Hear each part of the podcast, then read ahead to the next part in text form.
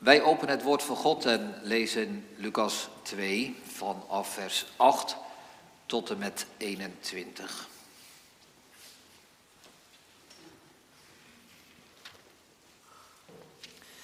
Lucas hoofdstuk 2 vanaf vers 8 tot en met 21. In de eerdere versen van dit hoofdstuk heeft Lucas verteld over de geboorte van Jezus.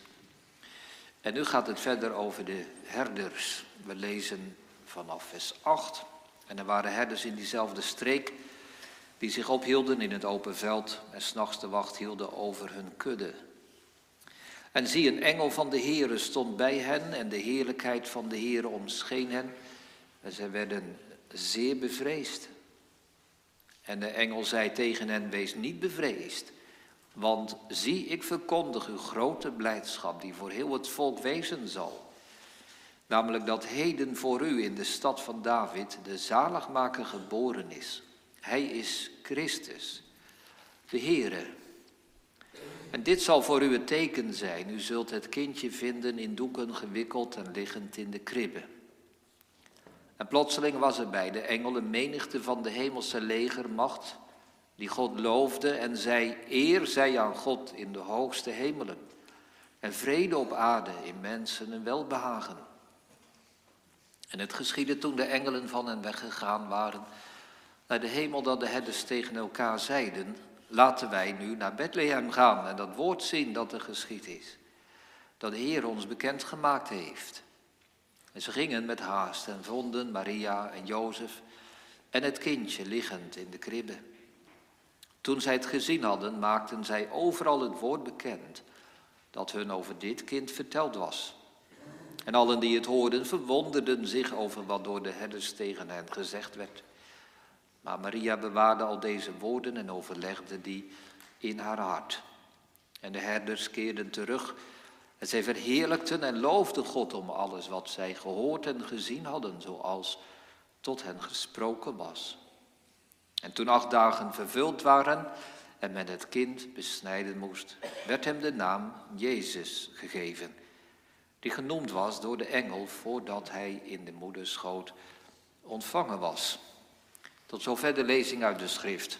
De tekst voor de preek vormt de versen 10, 11 en 12. En de engel zei tegen hen, wees niet bevreesd, want zie, ik verkondig uw grote blijdschap, die voor heel het volk wezen zal. Namelijk dat heden voor u in de stad van David de zaligmaker geboren is. Hij is Christus, de Heere. En dit zal voor u het teken zijn. U zult het kindje vinden in doeken gewikkeld en liggend in de kribbe. kribbe. Het thema boven de preek is en de engel zei. En de engel zei. Drie gedachten. Ten eerste openbaring. Want hij zegt iets, hij maakt iets bekend. Na de gebeurtenis in vers 7 komt er een openbaring, onze eerste gedachte. De tweede, evangelie, want hij zegt, ik verkondig u. Er staat daar in het Grieks een woord, ik evangeliseer u. Dus hij brengt het evangelie, onze tweede gedachte. En ten derde een teken, want hij voegt eraan toe, dit zal voor u het teken zijn, in vers 12. Het thema is dus, en de engel zei, drie gedachten, ten eerste openbaring, ten tweede evangelie en ten derde teken. Gemeente, het hoort er natuurlijk bij, dat verhaal over de herders. Elk jaar met kerst lezen we het gedeelte. Eerste geboorte, vers 1 tot en met 7, dan vanaf vers 8. De geschiedenis van de herders. Misschien ken je het gedeelte wel uit je hoofd. Misschien heb je of heeft u vroeger op de zondagschool of eh, op een ander moment dat gedeelte wel uit je hoofd geleerd.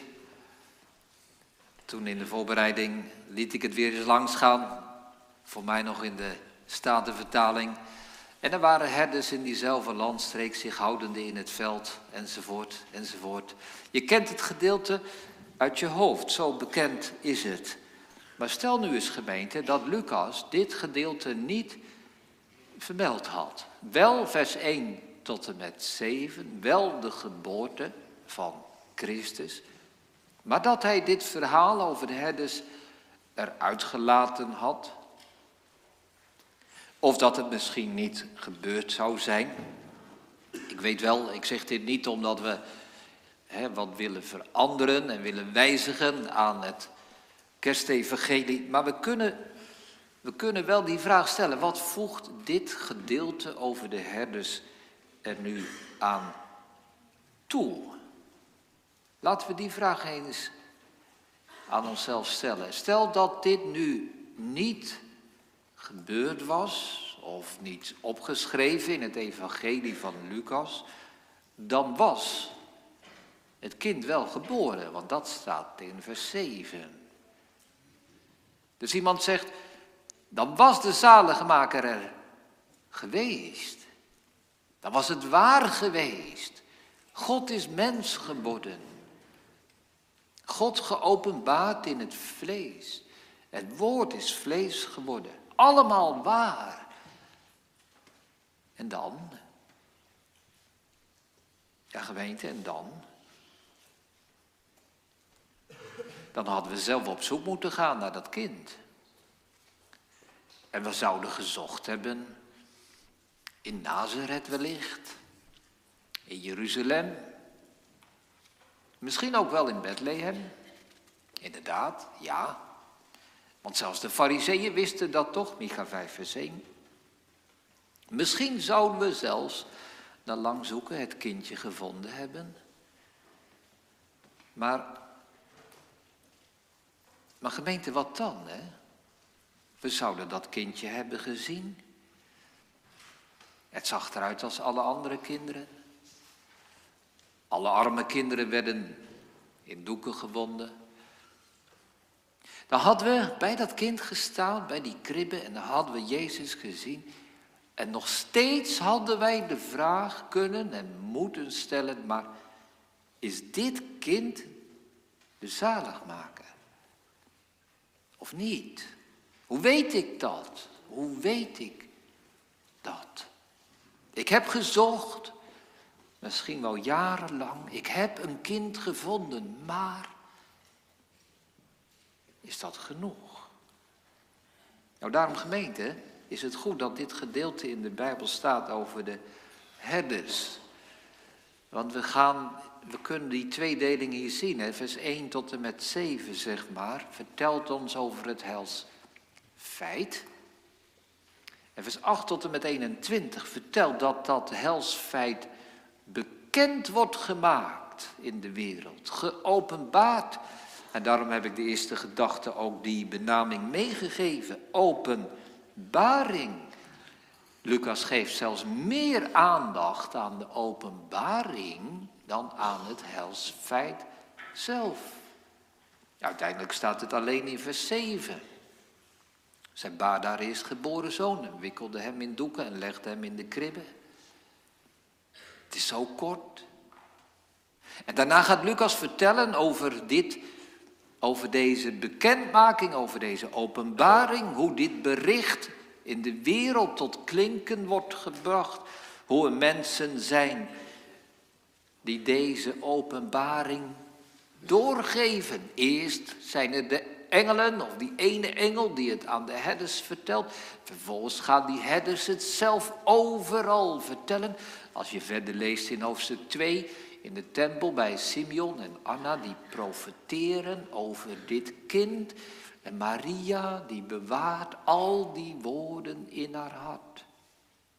En dan verderop, zelfs Jezus, einde van hoofdstuk 2. Als hij in de tempel is en daar met die fariseeën in gesprek is, dan zegt hij over zichzelf dat hij moet zijn in de dingen van zijn vader. Weer een openbaring en bekendmaking. En Maria bewaart die dingen in haar hart. En waarschijnlijk is zij ook degene die het later aan Lucas verteld heeft, zodat hij dit kon opschrijven. Daar zit iets belangrijks in, gemeente. Wat de geboorte van dat kind betekent, gaan wij pas begrijpen als het ons wordt geopenbaard. Wat de geboorte van het kind inhoudt, gaan wij pas begrijpen als God het ons bekend maakt. Wij kunnen het pas gaan geloven als het ons is gezegd. En daarom wil ik de preek daar beginnen. Hè? Met de engel zei, de engel gaat iets vertellen, gaat iets bekendmaken, gaat iets openbaren. Ik verkondig u. Dat kerstfeest van die herdersgemeente, dat begint niet bij de geboorte van het kind. Ik weet wel, het is wat, misschien wat al te veel uit elkaar getrokken, maar toch. Het kerstfeest begint voor de herders niet als het kind geboren is, want ze weten van niks. Het kerstfeest begint als de engel spreekt. Eerst moeten zij horen voordat zij het kind zullen zien. Eerst moeten zij geloven voordat zij gaan zoeken. Eerst moet hun gezegd worden wat God gedaan heeft. Voordat er een verlangen in hun hart komt om dat kind met eigen ogen te mogen zien. Eerst moeten zij openbaring hebben uit de hemel voordat zij de helsfeiten kunnen waarderen. Eerst moeten zij luisteren voordat zij kunnen prijzen. Eerst moeten ze zelf opgezocht worden voordat ze zelf gaan zoeken. Eerst moeten zij omhoog kijken en luisteren naar de engel, voordat zij kunnen kijken in de kribben. Eerst moeten zij zelf gevonden zijn, voordat zij het kindje zullen vinden. En al die dingen die ik zo op sommige gemeenten gelden niet alleen voor de herders, maar die gelden ook voor ons. Ik zal ze nog een keer herhalen. En nu over ons. Eerst moeten wij horen voordat wij het kind zien. Eerst moeten wij geloven voordat wij gaan zoeken. Eerst moet aan ons gezegd worden wat God gedaan heeft voordat wij kunnen gaan verlangen om dit kind te zien. Eerst moeten wij openbaring hebben voordat wij de helsfeiten kunnen waarderen. Eerst moeten wij luisteren voordat wij kunnen prijzen. Eerst moeten wij opgezocht worden voordat wij zelf op zoek gaan. Eerst moeten wij omhoog zien naar de engel voordat wij neer kunnen zien in de kribbe. Eerst moeten wij zelf gevonden zijn, voordat wij het kind zullen vinden. Is een oude, maar ook zo belangrijke regel in de kerkgeschiedenis telkens herhaald. Je vindt hem al bij Augustinus, je vindt hem bij de oude schrijvers. En die regel geldt, die, die luidt zo. Wie God gaat zoeken, is al reeds door Hem gevonden. Wie van ons God gaat zoeken, is al door Hem gevonden. Dat gold voor de herders. Gingen zij zoeken? Nee, ze zaten daar. Ze zochten niet. Hebben zij het kind gevonden? Jazeker, maar het begint niet bij het zoeken en het vinden van de herders, het begint bij God. Die zoekt. Het begint bij God die hen opzoekt. Het begint bij God die hen gevonden heeft, daar in de velden van Efrata. En dat is bij ons niet anders, gemeente. God heeft zijn volk bezocht. God heeft ons opgezocht en gevonden. Waar dan, zegt iemand, nou hier vandaag in de Victorkerk. God komt hier met zijn openbaring en hij vindt u en hij vindt jou. Je bent door God gevonden.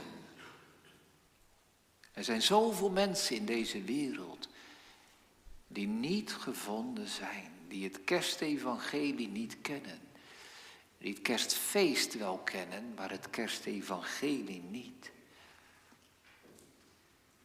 Als wij God gaan zoeken, zijn we reeds door God gevonden. Gemeente, wij zijn door God gevonden.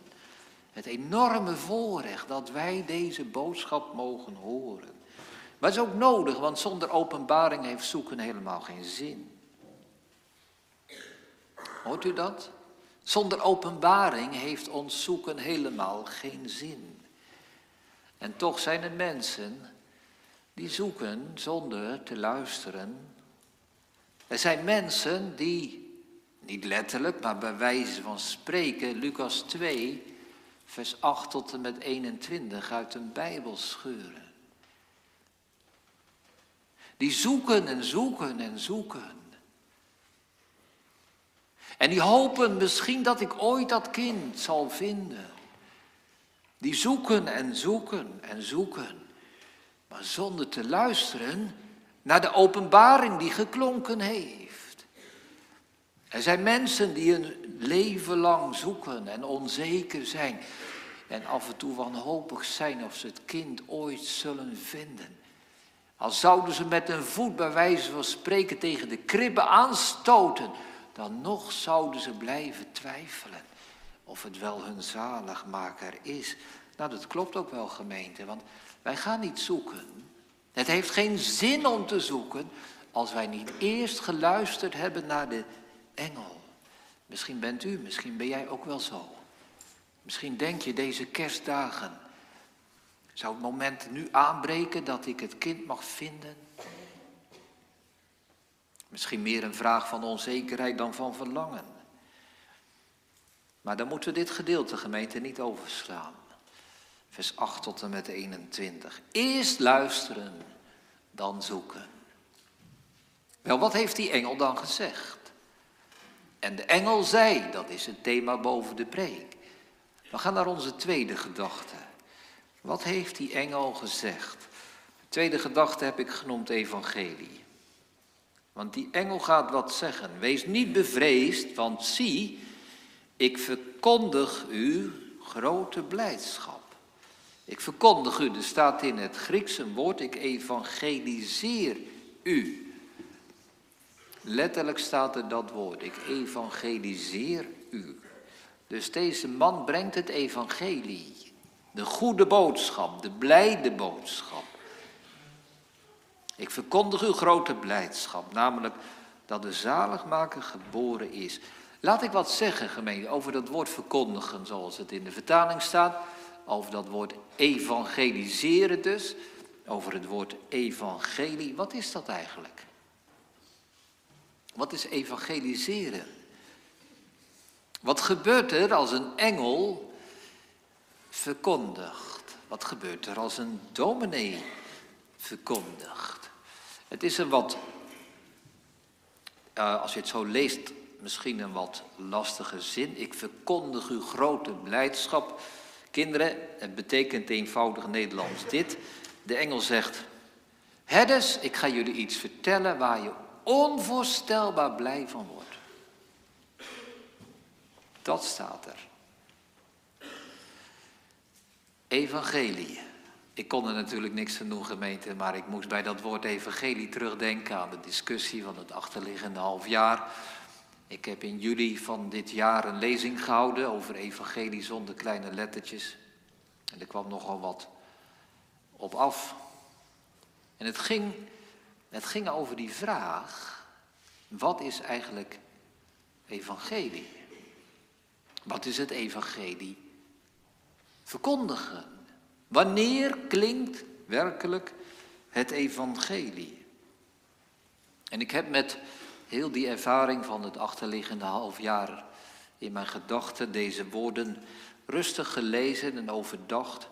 Het zijn, ik besef dat, het zijn mijn eigen gedachten die dan boven komen, maar toch, ik realiseerde me weer, gemeente, wat, wat er nodig is om werkelijk te verkondigen.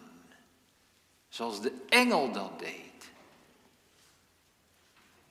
En ik besefte hoe weinig dat gebeurt. Als je de discussies volgt in kerkelijk Nederland. Ja, er zijn dominees die zeggen, evangelie is goed, maar eerst de wet, hè. Wet en evangelie, die volgorde.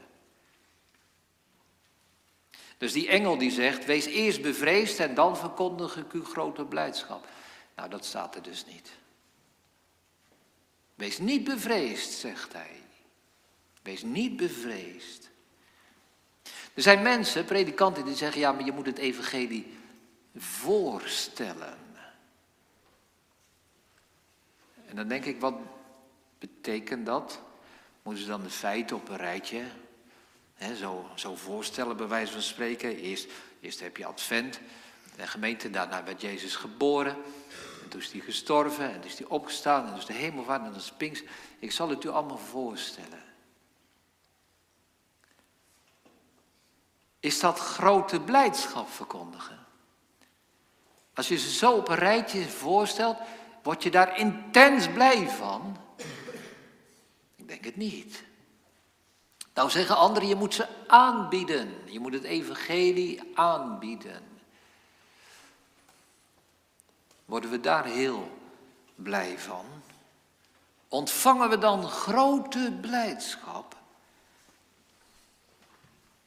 Er zijn erbij en die zeggen, ja, nu heb ik u verteld over kerstfeest en ik wens u toe dat, u, dat dit nog eens mag gebeuren in uw leven.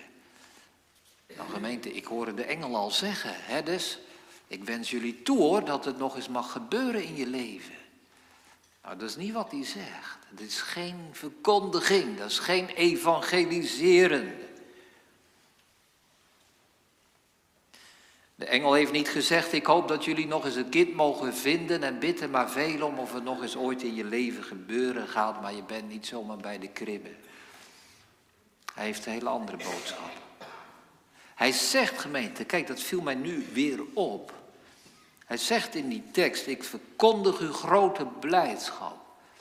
Die engel die is zo zelfverzekerd, zo overtuigd van wat ik jullie nu ga zeggen, herders, maakt jullie onvoorstelbaar blij.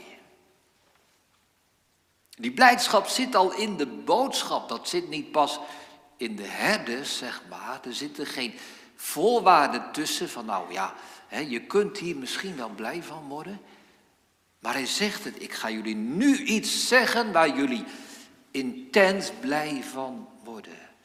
En die blijdschap is ook niet voor sommige mensen, maar voor heel het volk. Staat erbij. Voor heel het volk. Grote blijdschap. Nou gemeente, dat laat mij in ieder geval zien wat evangelie is en hoe ik moet preken. Ik ben geen engel, maar ik ben wel een boodschapper. Ik ben geen engel, maar ik ben wel evangelist. Ik evangeliseer vandaag een goede boodschap. Ik preek niet in het algemeen waar ik de dingen nog eens netjes op een rijtje zet, zodat we onze dogmatiek weer helder hebben. Maar ik verkondig u en jouw grote blijdschap. Ik ben pas dienaar van het evangelie gemeente als ik preek zoals de engel gedaan heeft. Daar in de velden van Efrata. Namelijk zegt hij erbij dat voor jullie de zaligmaker geboren is. De Christus, de Heer, maar laat ik maar richten op dat woord de zaligmaker, de redder, degene die van verlorenheid naar zaligheid en geluk brengt. Nou gemeente, ja. Die engel die was zelfverzekerd, zei ik net, begrijpelijk. Want in dat ene woord, de zaligmaker, ligt het einde van alle lijden. Het einde van de verlorenheid en de leegheid die we om ons heen zien. De wanhoop.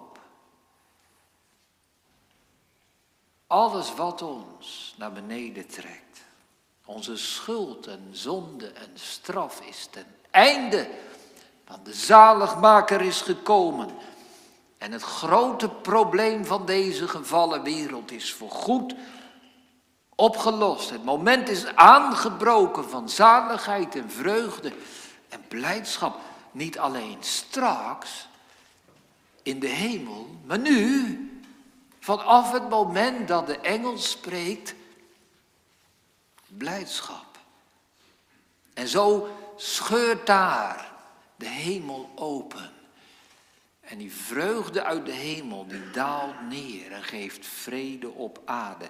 Dit is nooit gebeurd. Nooit in de wereldgeschiedenis. Het is niet gebeurd bij Goede Vrijdag. Het is niet gebeurd zelfs bij Pasen. Het is niet gebeurd bij Hemelvaart. Dit is niet gebeurd met Pinksteren. Het is maar één keer gebeurd. Dat de hemel zo openbarstte en zoveel hemels geluid en hemelse vreugde als sneeuw naar beneden dwarrelt. En de vrede en de blijdschap op de aarde geeft. Dus als er één gebeurtenis is, gemeente, in de wereldgeschiedenis, die vol is van vreugde, dan is het kerstfeest. Als er één ding is dat ons vreugde kan geven, dan is het kerst. Als er één dag in het jaar is dat je blij kan zijn, dan is het vandaag. Onderschat ik daarmee het lijden van de wereld? Ik denk het niet, gemeente. Dat is toch ook wel de radicaliteit van dit gedeelte. Want het leven is zwaar.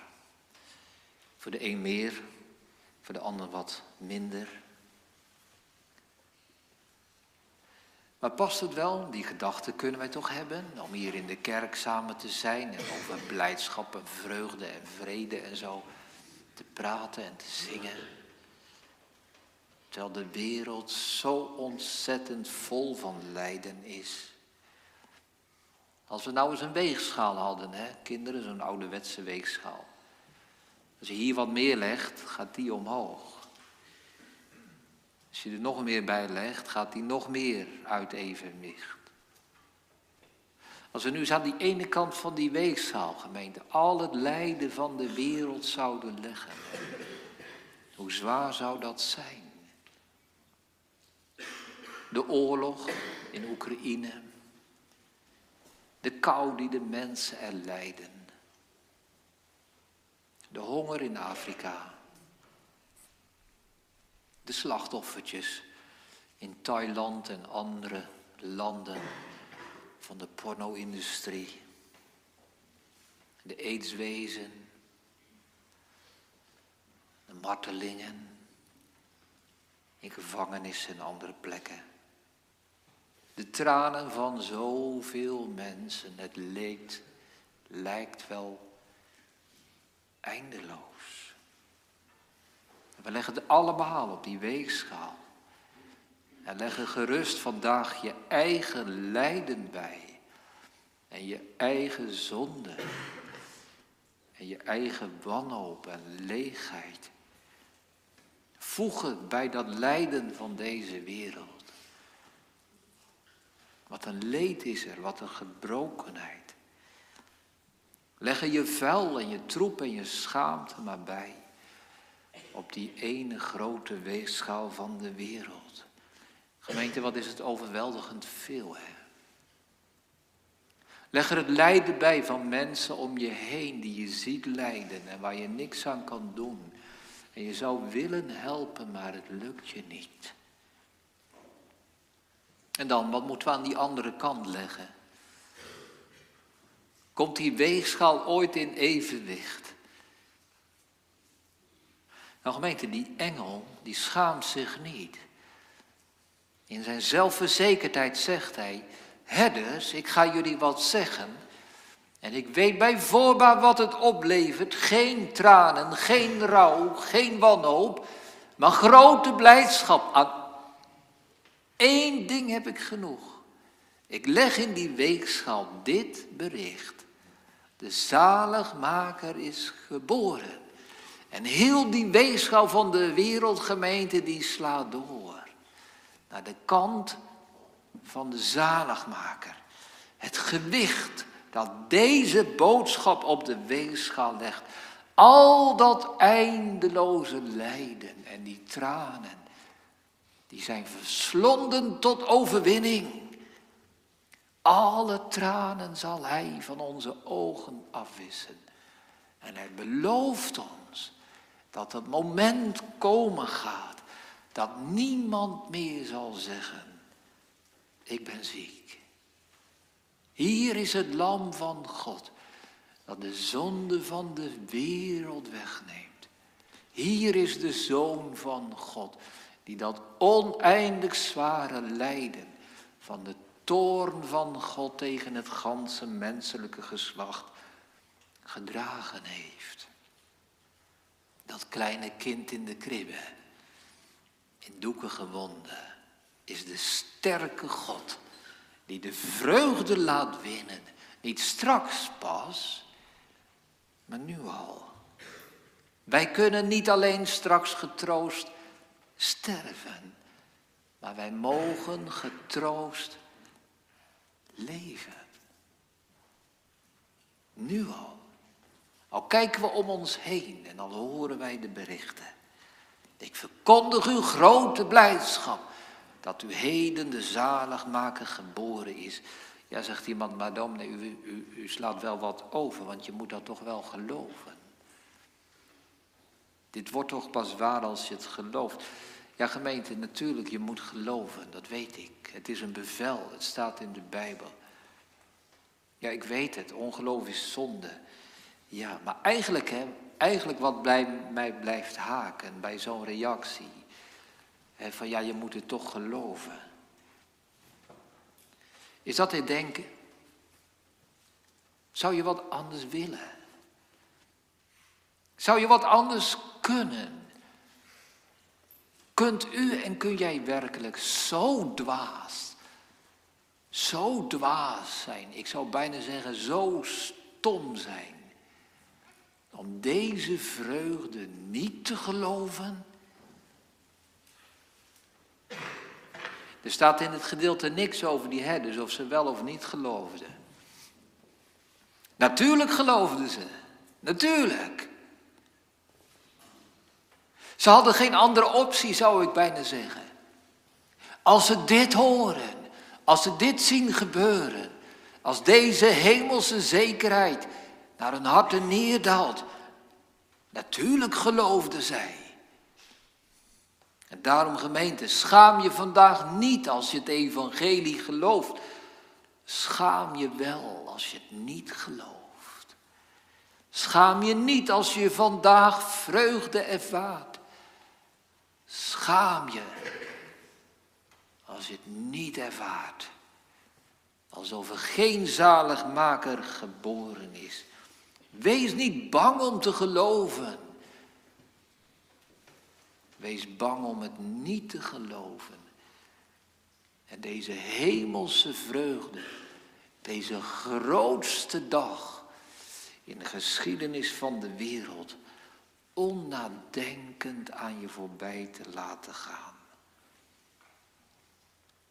Dat is evangelie. Dat is evangeliseren. Dat is een boodschap gemeente die uitstijgt boven onze menselijke maat. Het is een boodschap die geen rekening meer houdt met wat wij voelen en vinden en denken. Het is een hemelse boodschap die er doorheen breekt. Die ons grote blijdschap verkondigt.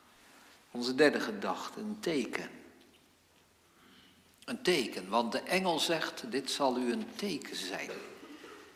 Vers 12, u zult het kindje vinden in doeken gewikkeld en liggend in de kribbe.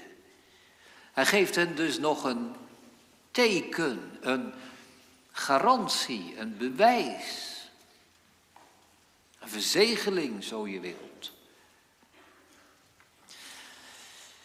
Maar even een moment, gemeente, als we die woorden tot ons door laten dringen. Wat is er nu precies een teken van wat? want een teken legt verband tussen iets wat betekend wordt, zoals we dan zeggen. De betekende zaak, de afgebeelde zaak. We zien dat in de doop heel duidelijk. Het water is een teken van de afwassing der zonden. Dus het hoort bij elkaar. Wat is hier nu een teken en wat wordt er daarmee bewezen, bevestigd? Misschien zegt iemand, nou die doeken hè, en, die, en die krippen, die zijn het teken. Dat ze zich niet vergissen en per ongeluk bij een ander kindje uit zouden komen. Dat ook pas geboren is in Bethlehem. Maar niet in doeken gewikkeld is of niet in een kribbe ligt. Nou, dat zal het niet zijn, gemeente. Daar was de engel niet bang voor dat ze bij het verkeerde kind uit zouden komen. Wat is er dan wel het teken? Ik denk dit. Let eens op dat woordje u. Dit zal voor u het teken zijn. U zult het kindje vinden. En sterker nog, dat woordje u is daarvoor ook al een paar keer genoemd. In vers 10 staat, ik verkondig uw grote blijdschap. Voor jullie, herders, speciaal voor jullie. En vers 11 staat namelijk dat heden voor u de zaligmaker geboren is. En dit zal voor u het teken zijn. U zult het kindje vinden. Nou, dan zien we hoe dat bij elkaar past. Die zaligmaker is voor jullie gekomen, zegt de engel tegen de herders. En dit zal het teken zijn dat jullie het zullen vinden. Vier keer dat woordje u. Zo is het voor ons ook gemeente. Vandaag spreekt dit evangelie tot ons en zegt, ik verkondig aan u en aan jou grote blijdschap dat voor u en voor jou dit kind geboren is. En dit is voor u en voor jou het teken dat u en jij het kind zullen vinden. Heel persoonlijk. Wat een bemoediging. Wat een heerlijk teken. Wat een aansporing. De tekst zegt niet, het teken is dat jullie gaan zoeken. Dat zou wel mooi zijn. Zoekende mensen die op zoek zijn naar Jezus. Maar niet het zoeken gemeente, niet het zoeken is het teken. Het vinden is een teken. Het vinden. Die engel heeft er niet zoveel zorgen over. Of die herders daar wel of niet aankomen. Hij weet het zeker. Het is een teken, jullie zullen het kind vinden. Kan niet missen. Teken voor hen. Is het voor ons een twijfelachtige zaak? Ook niet. Ik mag het vandaag ook zeggen tegen u, tegen jou. Dit zal voor jou het teken zijn. Je zult het kind vinden. Je zult het vinden. Als dit evangelie vandaag klinkt. Als God ons gezocht heeft en gevonden heeft. Hier in de Victorkerk. Als God deze boodschap voor u en voor jou hebt dat voor u de zaligmaker gekomen is. Als hij voor u het teken heeft, dan is dit het teken dat u het zult vinden. Daar hoeven we helemaal niet bang voor te zijn. Ja, zegt iemand, maar we kunnen toch niet letterlijk daarheen gaan? Er wordt zo vaak gezegd, hè, we moeten in de kribbe kijken, we moeten het kindje vinden, het kan niet letterlijk. Dat is waar, wij kunnen niet letterlijk naar Bethlehem gaan. Wij kunnen de kribbe niet zien. Hoeft ook niet. Want zij hebben in dat ene moment, gemeente, dat ene ogenblik dat de herders daarheen gingen en dat gevonden hebben, hebben zij het gezien met de ogen van alle gelovigen. Even goed als Thomas namens alle gelovigen met eigen ogen de wonden mocht zien. En vanaf dat moment zei Jezus, zalig zijn degenen die niet zien en geloven. Dat geldt hier ook. Zalig zijn wij allen. Als wij geloven, dan zien wij het kind, dan vinden wij het. Precies zoals de herders het gevonden hebben. Het is echt gebeurd. God is echt gekomen. Het kind is echt geboren. God is echt geopenbaard in het vlees. Hij zal echt allen zalig maken die geluisterd hebben. Hij geeft echte vreugde aan iedereen die door Hem gevonden is. Gemeente, we gaan afronden. God heeft ons vandaag opgezocht en gevonden. Hier in de Victorkerk is de hemel open. Hier klinkt het evangelie. Hier wordt ons verkondigd. Grote blijdschap. Niemand van ons die zoeken gaat, hoeft bang te zijn om niet te vinden. Want ieder van ons die gaat zoeken, is al reeds door God gevonden. Niemand van ons hoeft bang te zijn dat je hopeloos moet zoeken zonder ooit te vinden. Ondanks al het verdriet in ons leven. Ondanks de weegschaal van de wereld. Mag ons leven getekend worden. Mag ons leven beheerst worden door grote blijdschap. Waarom? Ik verkondig u heden dat de zaligmaker geboren is. Ere zij God in de hoogste hemelen. Amen.